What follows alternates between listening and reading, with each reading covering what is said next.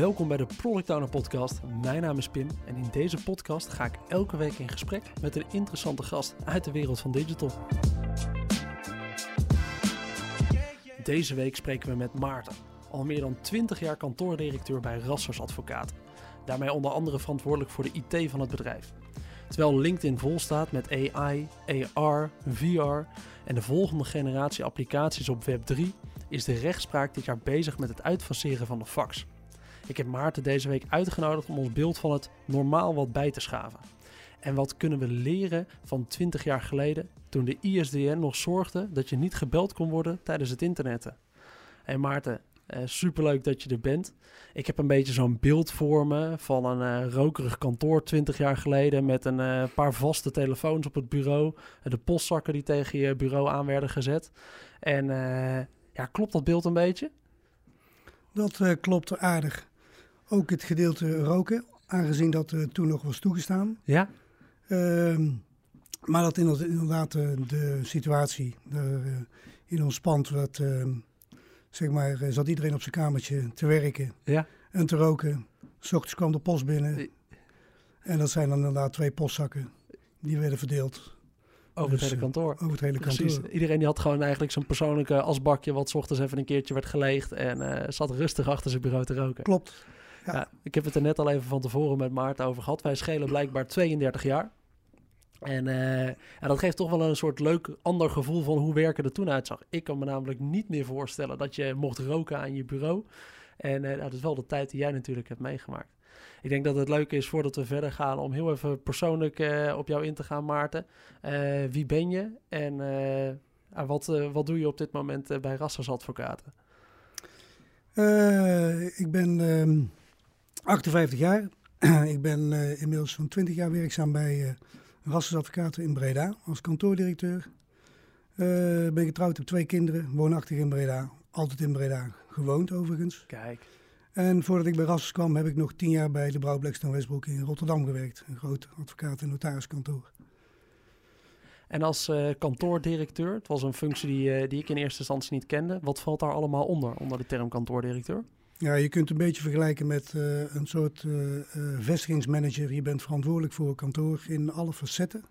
Dus dat heeft te maken met verzekeringen, organisatie, huisvesting, personeel, financiën, automatisering. Dus het hele scala. Het hele scala. Dus je hebt automatisering meegemaakt van 22 jaar rassersadvocaten. Ja, klopt. Dat is leuk. Hey, en nu we jou een beetje kennen, Maarten, uh, dat 20 jaar geleden. Dus we hadden roken, we hebben postzakken, we hebben vaste telefoons. Uh, hoe zag dat er toen de tijd verder uit? Want ja, zonder internet ging je ook niet alles even opzoeken over de rechtspraak. Uh, hoe werkte dat toen? Uh, Rassers had uh, een bibliotheek die vrij volledig was. Een van de partners die, uh, die vond het namelijk nodig dat als iemand een boek nodig had, dan moest hij dat boek kopen. En dan heb ik het over een boek wat te maken heeft met recht. dus wij waren een volledige bibliotheek. Uh, dus wij hadden alles uh, in huis wat uh, mensen nodig hadden aan, aan kennis. Kijk, en nog even Rassers Advocaten, het kantoor waar jij werkt. Dat is een kantoor met 40 man, begrijp ik, ja. hier in Breda. En met een focus op wat voor recht? Wij zijn gespecialiseerd in arbeidsrecht, ondernemingsrecht en vastgoed. En vastgoed is, valt dan in twee, dat is bouwrecht en bestuursrecht. Ondernemingsrecht is uh, contracten, faillissementen, fusies en overnames. Ja. En het arbeidsrecht heb je nog twee subspecialisaties, de AVG en pensioenrecht. Kijk, ja, en de AVG is daarbij een nieuwe eigenlijk gekomen natuurlijk in de afgelopen jaren. Ja, klopt. Die is een aantal jaren is die, uh, geleden is die uh, opgestart. En hoe ziet die tak er nu uit? Want dat is even een nieuwe tak. Hoe wordt dat dan opgericht binnen de organisatie? Uh, AVG-wetgeving, ja, wij krijgen vragen op een gegeven moment van, uh, uh, over de AVG. Daar gaat een arbeidsrechtadvocaat gaat zich daarmee bezighouden. Die gaat zich daarin specialiseren. En via volgen van opleidingen, cursussen en het bijhouden van jurisprudentie... word je op een gegeven moment een specialist op dat gebied. Kijk, kijk. Hey, Maarten, die, hoe zien de klanten er dan eigenlijk uit van Rassers Advocaten? Wat zijn dat voor bedrijven? Onze klanten die bevinden zich zowel op de lokale markt, regionaal als landelijk. Ja. En uh, wij bedienen voornamelijk uh, bedrijfsleven en dan MKB, groot MKB en beursgenoteerd. Kijk. En dat zijn de klanten van het, uh, van het bedrijf. En in jouw rol als, uh, we hebben het hier natuurlijk over de Product Owner podcast. En wij zijn heel veel bezig met wie zijn nou onze gebruikers. Uh, wie zijn de gebruikers van jouw service eigenlijk als kantoordirecteur?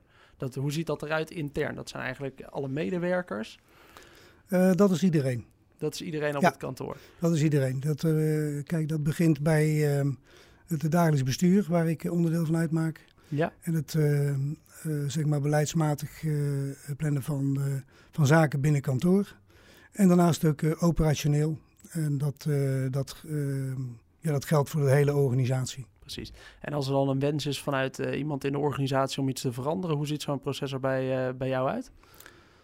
over het algemeen komen dat soort verzoeken, of het gaat via een, een partner ja. uit de sectie, komt het bij mij, of het komt rechtstreeks bij mij en dan wordt het of besproken in DB en gaan we daarmee verder. Of het is een, ja, iets van die naart dat ik zeg van dat, uh, dat regelen we zelf. Dus, uh, en je benoemt net een paar keer een dagelijks bestuur. Ik denk uh, dat lang niet elke organisatie die, die hier naar luistert daar mee te maken heeft. Hoe ziet zo'n dagelijks bestuur er bij jullie als, als kantoor uit? Nou, dat is iets niet, niet alleen iets wat bekend is binnen ons kantoor, maar dus binnen de hele beroepsgroep. Ja. Ehm, advocatenkantoren en ook notariskantoren waren vroeger voornamelijk maatschappen. Ja. Dus waar je een aantal aandeelhouders had die, zeg maar, die eigenaar waren van de zaak. Um, op een bepaald moment zijn zeker de grote kantoren er begonnen om daarmee uh, een aantal mensen verantwoordelijk te maken voor het uh, rijlen en zeilen. En dat was een dagelijks bestuur. Het waren drie aandeelhouders die dan zeg maar, namens alle andere aandeelhouders de dagelijkse gang van zaken uh, bestierden. Kijk, en dat is een eh, bestuur wat ook wisselt regelmatig? Of dat is een, eh, een vast bestuur wat al tien jaar op dezelfde plek zit? Nee, dat wisselt regelmatig. En dat is een beetje afhankelijk van ja, hoe dat het binnen de organisatie loopt. Kijk, hey, volgens mij is de, daarin de rechtspraak, uh, ik tipte er al eventjes naar helemaal in het begin uh, van de intro van deze podcast. Ja, waar ook beroep ondertussen bezig is met alles moderniseren, zijn jullie bezig met de fax uitfaseren, vertelde jij mij ergens uh, toen we van tevoren even aan het bellen waren.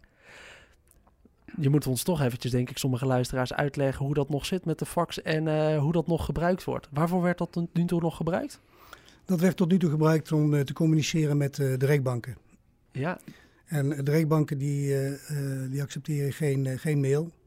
En ehm, dus dat is op een gegeven moment kijk maar, februari 2022. Ja. Dan gaat de fax eruit. Dus dan moet je stappen maken en dan moet je dingen gaan veranderen.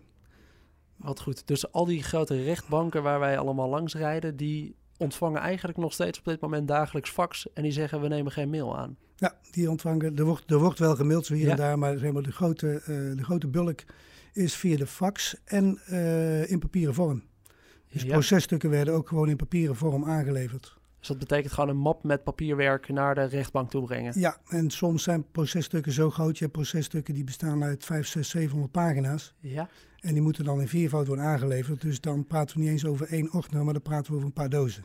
Oh, wat bizar. Dit is wel even een leuke wereld om in meegenomen te worden, Maarten. Want hoe gaat dat dan met de fax? Want dat is, uh, dat is via de telefoonlijn werkte dat? Ja. Dan gaat er bij jullie staat ook nog een faxapparaat op kantoor waar ze één voor één rustig worden ingescand. En vervolgens worden ze bij de rechtbank opnieuw afgedrukt. Nou, het is zo dat uh, de, voornamelijk de berichtgeving richting de rechtbank loopt via de fax. Ja. Dus niet het versturen van grote processtukken. Oké, en wat zijn dat dan voor berichtgevingen? Hoe moet ik dat voor me zien? Uh, dat is uh, als uh, zaken die worden ingediend, die moeten voor een bepaalde tijd binnenkomen. En, of verzoeken tot uitstel. Ehm, nou ja, veel communicatie met de rechtbank die niet meer per brief verloopt. En hoeveel werd er nou in het afgelopen jaar dan bijvoorbeeld nog per week gefaxt naar de rechtbank? Hoeveel berichten gaat dat om? Dat antwoord moet ik je schuldig blijven, dat durf ik echt niet te zeggen. Ja. Ik vind het wel een, een fascinerend stukje dat uh, ja, toch wel zo'n groot rechtsgebouw waar je hier in Breda bijvoorbeeld langs rijdt, inderdaad dus gewoon nog de fax uh, aan heeft staan. En Maarten, volgens mij heb jij een hele mooie verandering ook wel meegemaakt van het vak uh, binnen de rechtspraak. Want je zit er in totaal dan al 30 jaar in, ook met het andere ja. kantoor begrijp ik. Kun je mij eventjes meenemen naar hoe, die, hoe het kantoor 30 jaar geleden werkte, hoe er toen uh, processen werden verwerkt en hoe dat misschien wel verhoudt met uh, 15 jaar geleden, hoe dat zich verhoudt met nu?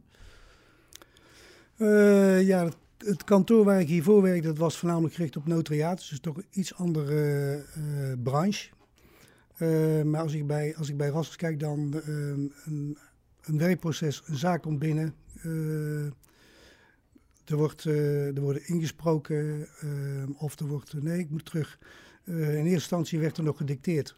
Ja? Er werd gewoon gedicteerd aan de secretaresse brieven of processtukken of adviezen.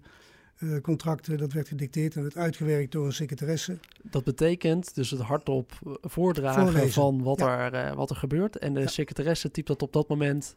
Die typt dat uit. Fantastisch. Ja. Dan heb je gewoon een typemachine, dus uh, met carbonpapier. Dus als je daar een fout maakt, dan moet je opnieuw beginnen. Of met Typex. Dus dat, dat ging heel ver. Ja. Maar dat is, het, uh, zeg maar, dat is een systeem wat uh, zeg maar, ja, 25, 30 jaar geleden nog werd gehanteerd. Ja. En op een gegeven moment ehm, werd ehm, er meer gedicteerd.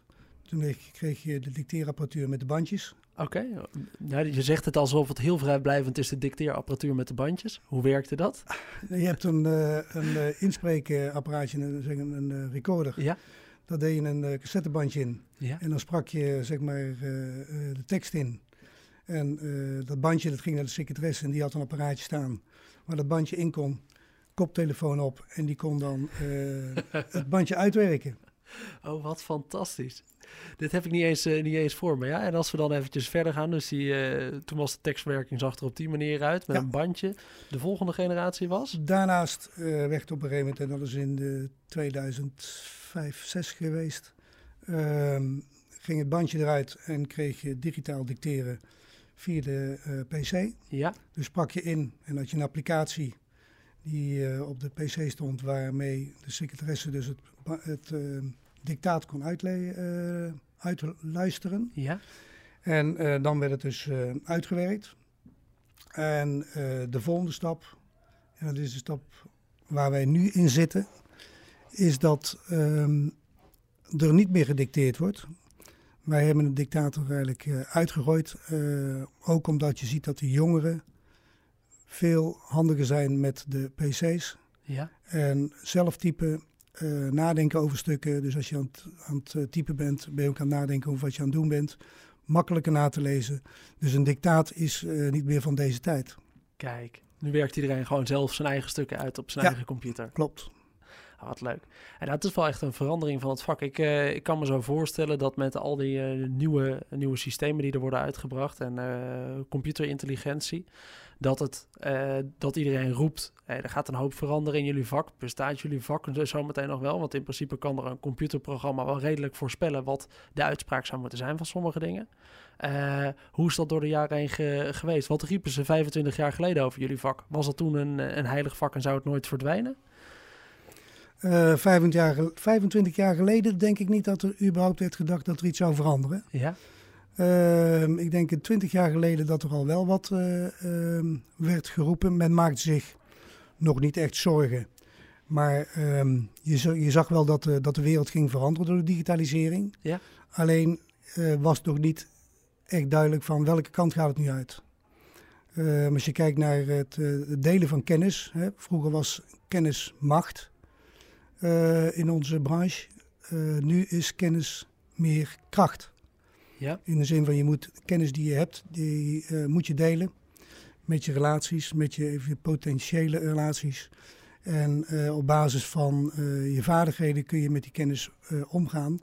En op het moment dat je de kennis deelt, krijg je ook weer meer werk binnen. Dus ehm, de, de functie van advocaat verandert wel. Ja. Kennis is voor iedereen toegankelijk.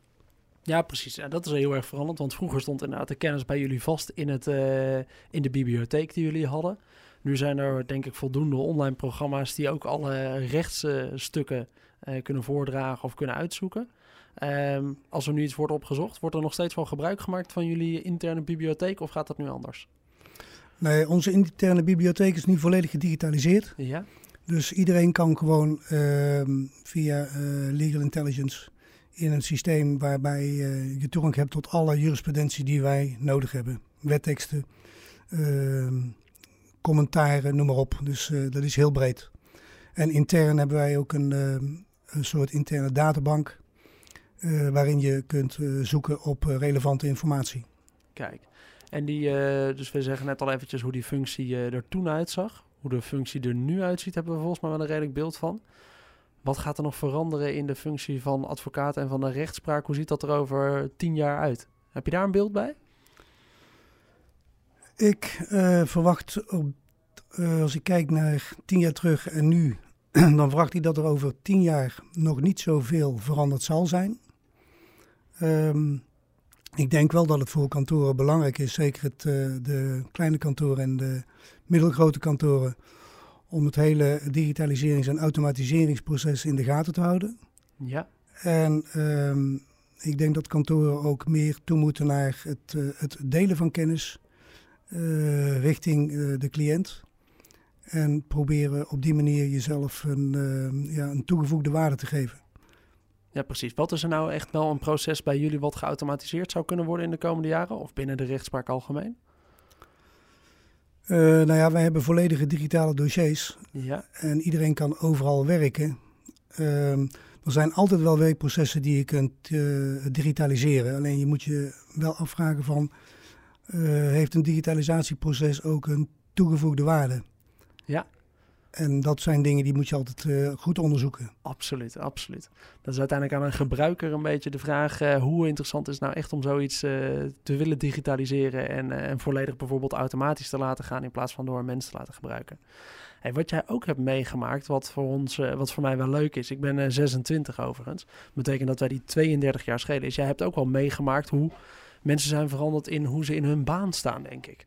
Want volgens mij, op het moment is het banenaanbod eh, enorm... Ik denk dat je toen wat meer moest zoeken misschien naar een baan. En dat je ook wel op een andere manier in je werk stond. Kun je daar iets meer over vertellen, Maarten? Hoe dat, hoe dat toen was? Ehm, ja, dat is. ehm, ik denk dat ehm, in mijn tijd, maar dat hangt ook van de persoon af, denk ik. Eh, je bent eager, je wil eh, iets bereiken en je gaat er vol voor. Dus tijd en dergelijke was helemaal niet van, ehm, van invloed. Eh, je ging ervoor en je draaide veel uren. Ik denk dat de huidige generatie, er wordt wel geroepen, de generatie Y, de generatie Z, de generatie X. Nou ja, we hebben ze alle drie gehad. Ehm, meer eh, waarde legt bij een goede eh, balans tussen werk en privé. Ja, geloof ik, ja. En ik denk dat dat alleen maar goed is. Dus eh, dat is ook geen. Ik vind het ook niet slecht, dus ik zal er ook nooit een waardeoordeel over uitspreken. Alleen het is wel een hele andere eh, wijze waarop men in de, in, de, in de wereld staat en in het, eh, ja, in het arbeidsproces. Ik denk dat je, voor mijn gevoel zie je dat misschien wel minder in het recht dan in andere branches. Wat merk je daar wel van in het recht? Want volgens mij gaan, wordt er nog steeds eh, bepaalde outfits verplicht. binnen kantoren misschien ook wel, met name binnen de rechtszalen. Hoe is dat, verandert dat door de jaren heen? Of is dat eigenlijk nog wel echt vast aan de eh, rituelen die er toen stonden en de traditie die er is? Dat zal ook per kantoor eh, verschillen, denk ik. Maar als je kijkt naar de, de, de, de grote kantoren, de Big 50 ehm, en de Big 25 in de Randstad, daar Ja. zal zeker, dat is allemaal nog eh, bekende suits. Ja, En eh, ik denk eh, bij het, M, eh, bij het eh, middelgroot kantoor is dat inmiddels wat, eh, wat meer losgelaten, wat meer informeel. Is ook meer een familieachtige eh, band heerst daar. En bij de kleinere kantoortjes denk ik dat het eh, sowieso ja, heel wisselend is van, afhankelijk van de, van de advocaat. precies. Vind je dat daar aan toegevoegde waarde in zit? In wel in, eh, in pak nog verplicht naar kantoor toe komen? Ehm, ik vind wel dat er een soort van eenheid moet zijn binnen je kantoor. Ja, Er moet wel een lijn worden getrokken in de zin van dat je allemaal op een bepaalde manier gedraagt, kleedt. Dat is een uitstraling die ook ehm, iets weergeeft over eh, je kantoor. juist. Een stukje ik. identiteit. Hey Maarten, als, eh, als product owners zijn we veel bezig met het luisteren naar, eh, naar onze gebruikers. Nou, we hebben het al eventjes gehad over de interne gebruikers die jullie hebben. Jullie klanten veranderen denk ik ook wel een beetje door de jaren heen met wat hun wensen zijn. Ehm, merk je daar zelf iets van, wat er aan klantwens verandert? Of eigenlijk die vraag altijd hetzelfde om te ondersteunen bij een rechtszitting of eh, te ondersteunen bij het opmaken van bepaalde documenten? Ja, het, ha- het hangt heel, eh, het heel erg samen met het soort klant. Ja. Ehm, dus is het een, een, een grote, eh, grote cliënt of een middelgrote cliënt. Maar prijsbewustzijn is natuurlijk iets wat, ehm, eh, wat steeds meer speelt. er, komen steeds meer, er komt steeds meer op de markt. Je ziet in onze branche ook dat er steeds meer kantoortjes komen die zichzelf gaan specialiseren in een, een heel klein subspecialisatieonderdeel. ja. En dat, ehm, daar kijken klanten ook naar. Dus je moet heel scherp blijven en je, ehm, je moet heel goed opletten dat je de, de klant op een duidelijke manier en goede manier kwalitatieve dienstverlening geeft. Ja. En in het zicht blijft. Precies. En dat in het zicht blijven is ook nog wel een onderdeel voor, uh, voor rechtskantoor. Ik kan me voorstellen dat je als, uh, als kantoor, als rassersadvocaat heel veel vaste klanten hebt. Klanten die heel lang blijven. Zie ik dat goed? Wij hebben een grote, grote groep met vaste klanten, dat klopt. Ja, maar dat scheelt ook, uh, dat, dat wisselt ook per sectie. Juist. En dat, in welke vorm verschilt dat dan? Nou ja, de, de bouwsector heeft bijvoorbeeld veel vaste klanten. Uh, bij de uh, ondernemerspraktijk, juist de faillissementenpraktijk, daar heb je geen vaste klanten, want dat is een eenmalige klant. Dat spreekt voor zich. maar dat is natuurlijk wel een, een stuk van onze, van onze dienstverlening. Ehm, en bij arbeidsrecht heb je ook weer een grote groep vaste klanten en ook een deel wisselende klanten. Maar ja. dat is denk ik ook een logisch proces. Ja, snap ik wel.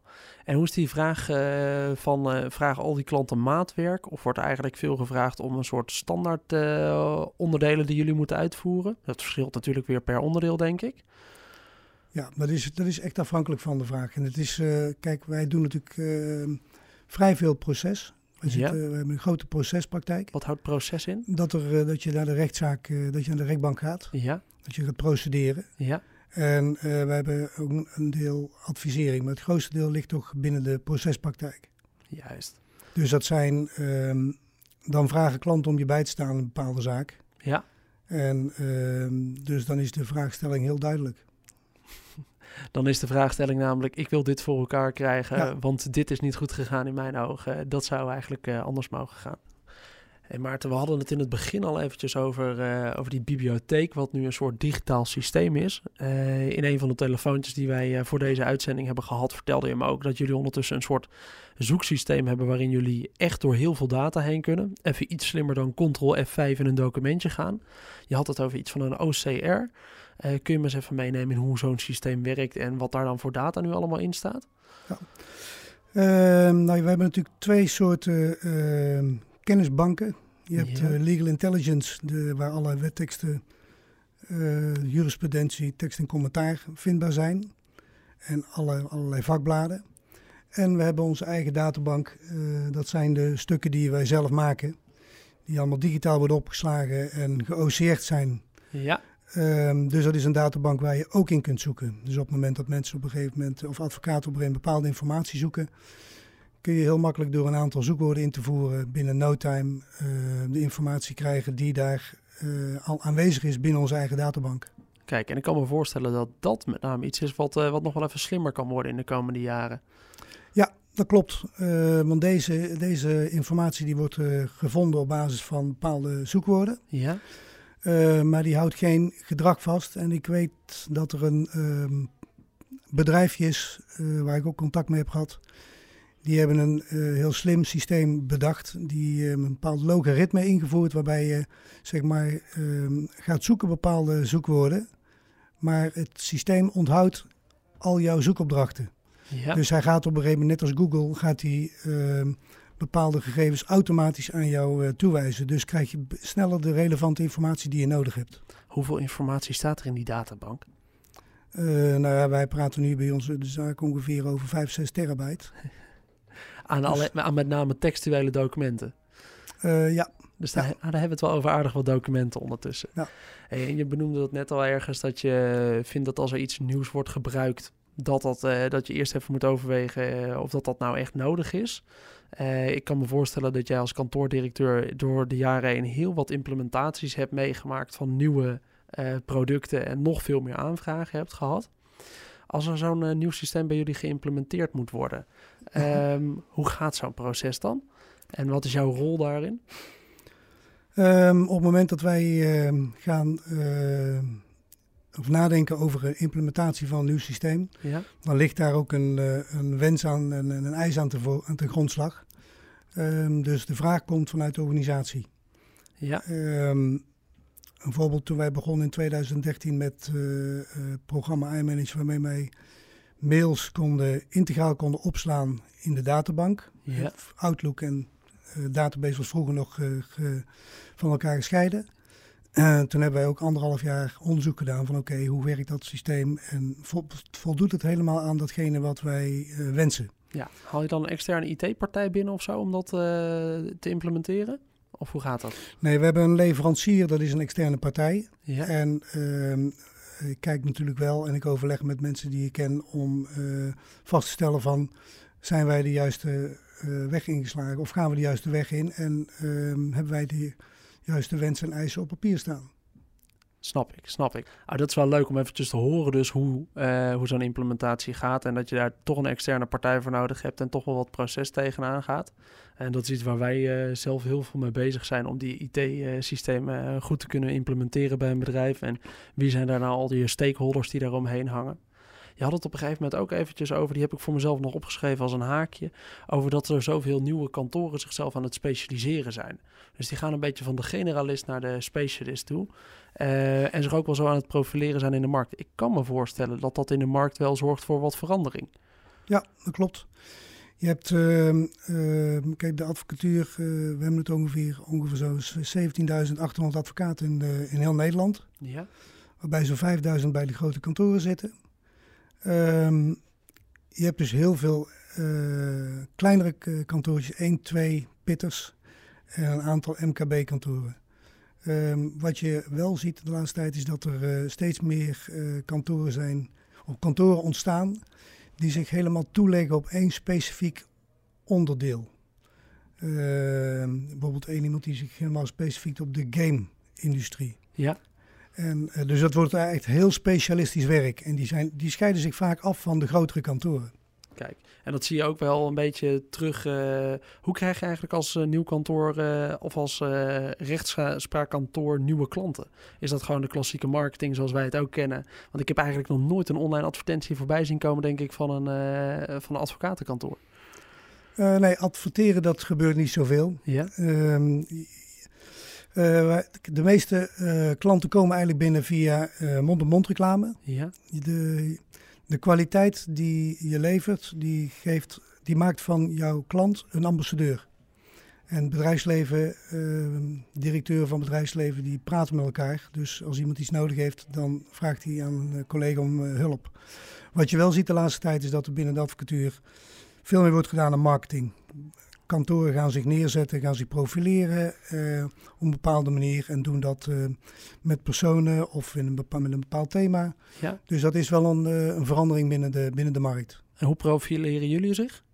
Hoe profileren de Rassers advocaten zich? wij zijn nu ook bezig met een, met een, een marketingstrategie te plannen. Ja. daar zijn we ook al een tijdje mee bezig. Dat is nou ja, zowel een intern als een extern traject. Ja. Dus uh, dat is een, uh, een proces waar wij nu uh, vol mee bezig zijn. Leuk. En, en wij uh, profileren ons op dit moment met, met Joran van Vreest, de bekende, of niet minder bekende Nederlandse schaatser, schaker. Ja, een schaker. Ja. Een schaker meegenomen in de, in de marketingcommunicatie. Ja. Wat is het voordeel van het kiezen voor een schaker? daar zitten een groot aantal vergelijkingen in die een schaker is iemand die, eh, die gaat voor de overwinning. Ja. Uh, die gaat voor strategie. Die heeft een, een volledige commitment uh, ten opzichte van het spel wat hij speelt. En uh, dat zijn een aantal ja, segmenten die kloppen met, met de advocatuur.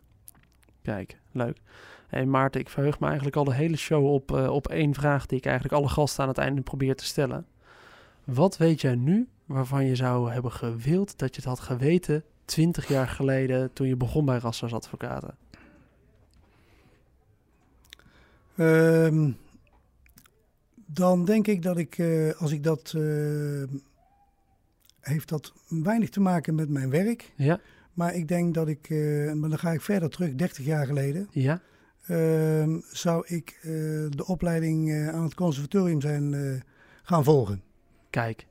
En dat heeft te maken, ik bespeel regelmatig wat, uh, of, uh, een aantal instrumenten. En uh, op een gegeven moment zei mijn vrouw tegen mij van... joh, als jij zo muzikaal bent, waarom ben je er toen niet aan door, mee doorgegaan? En uh, nu krijg ik weer wat meer ja, tijd voor maak. Ja. Is dat eigenlijk iets waarvan ik zeg van... daar had ik toen de tijd uh, voor moeten kiezen. Was ik de muzikale richting opgegaan ja. in plaats van de juridische richting? Hele andere richting. Wat leuk. Heb je daardoor iets gemist, denk je? Of ga je nu eigenlijk weer voldoende kansen krijgen om, uh, om alsnog iets leuks te doen uh, met nee. het muzikale? Ik heb niks gemist. Ik heb uh, prima, een prima leven, leuke baan, mooi bedrijf. Snap en prima naar mijn zin. Leuk. Dus, heb je nog een tip voor, voor jongeren zoals ik, 26 jaar, die, die in de start van hun werkleven een beetje zitten? Waarvan je zegt, nou, na zoveel jaren, dit is nog even een goede tip voor jullie.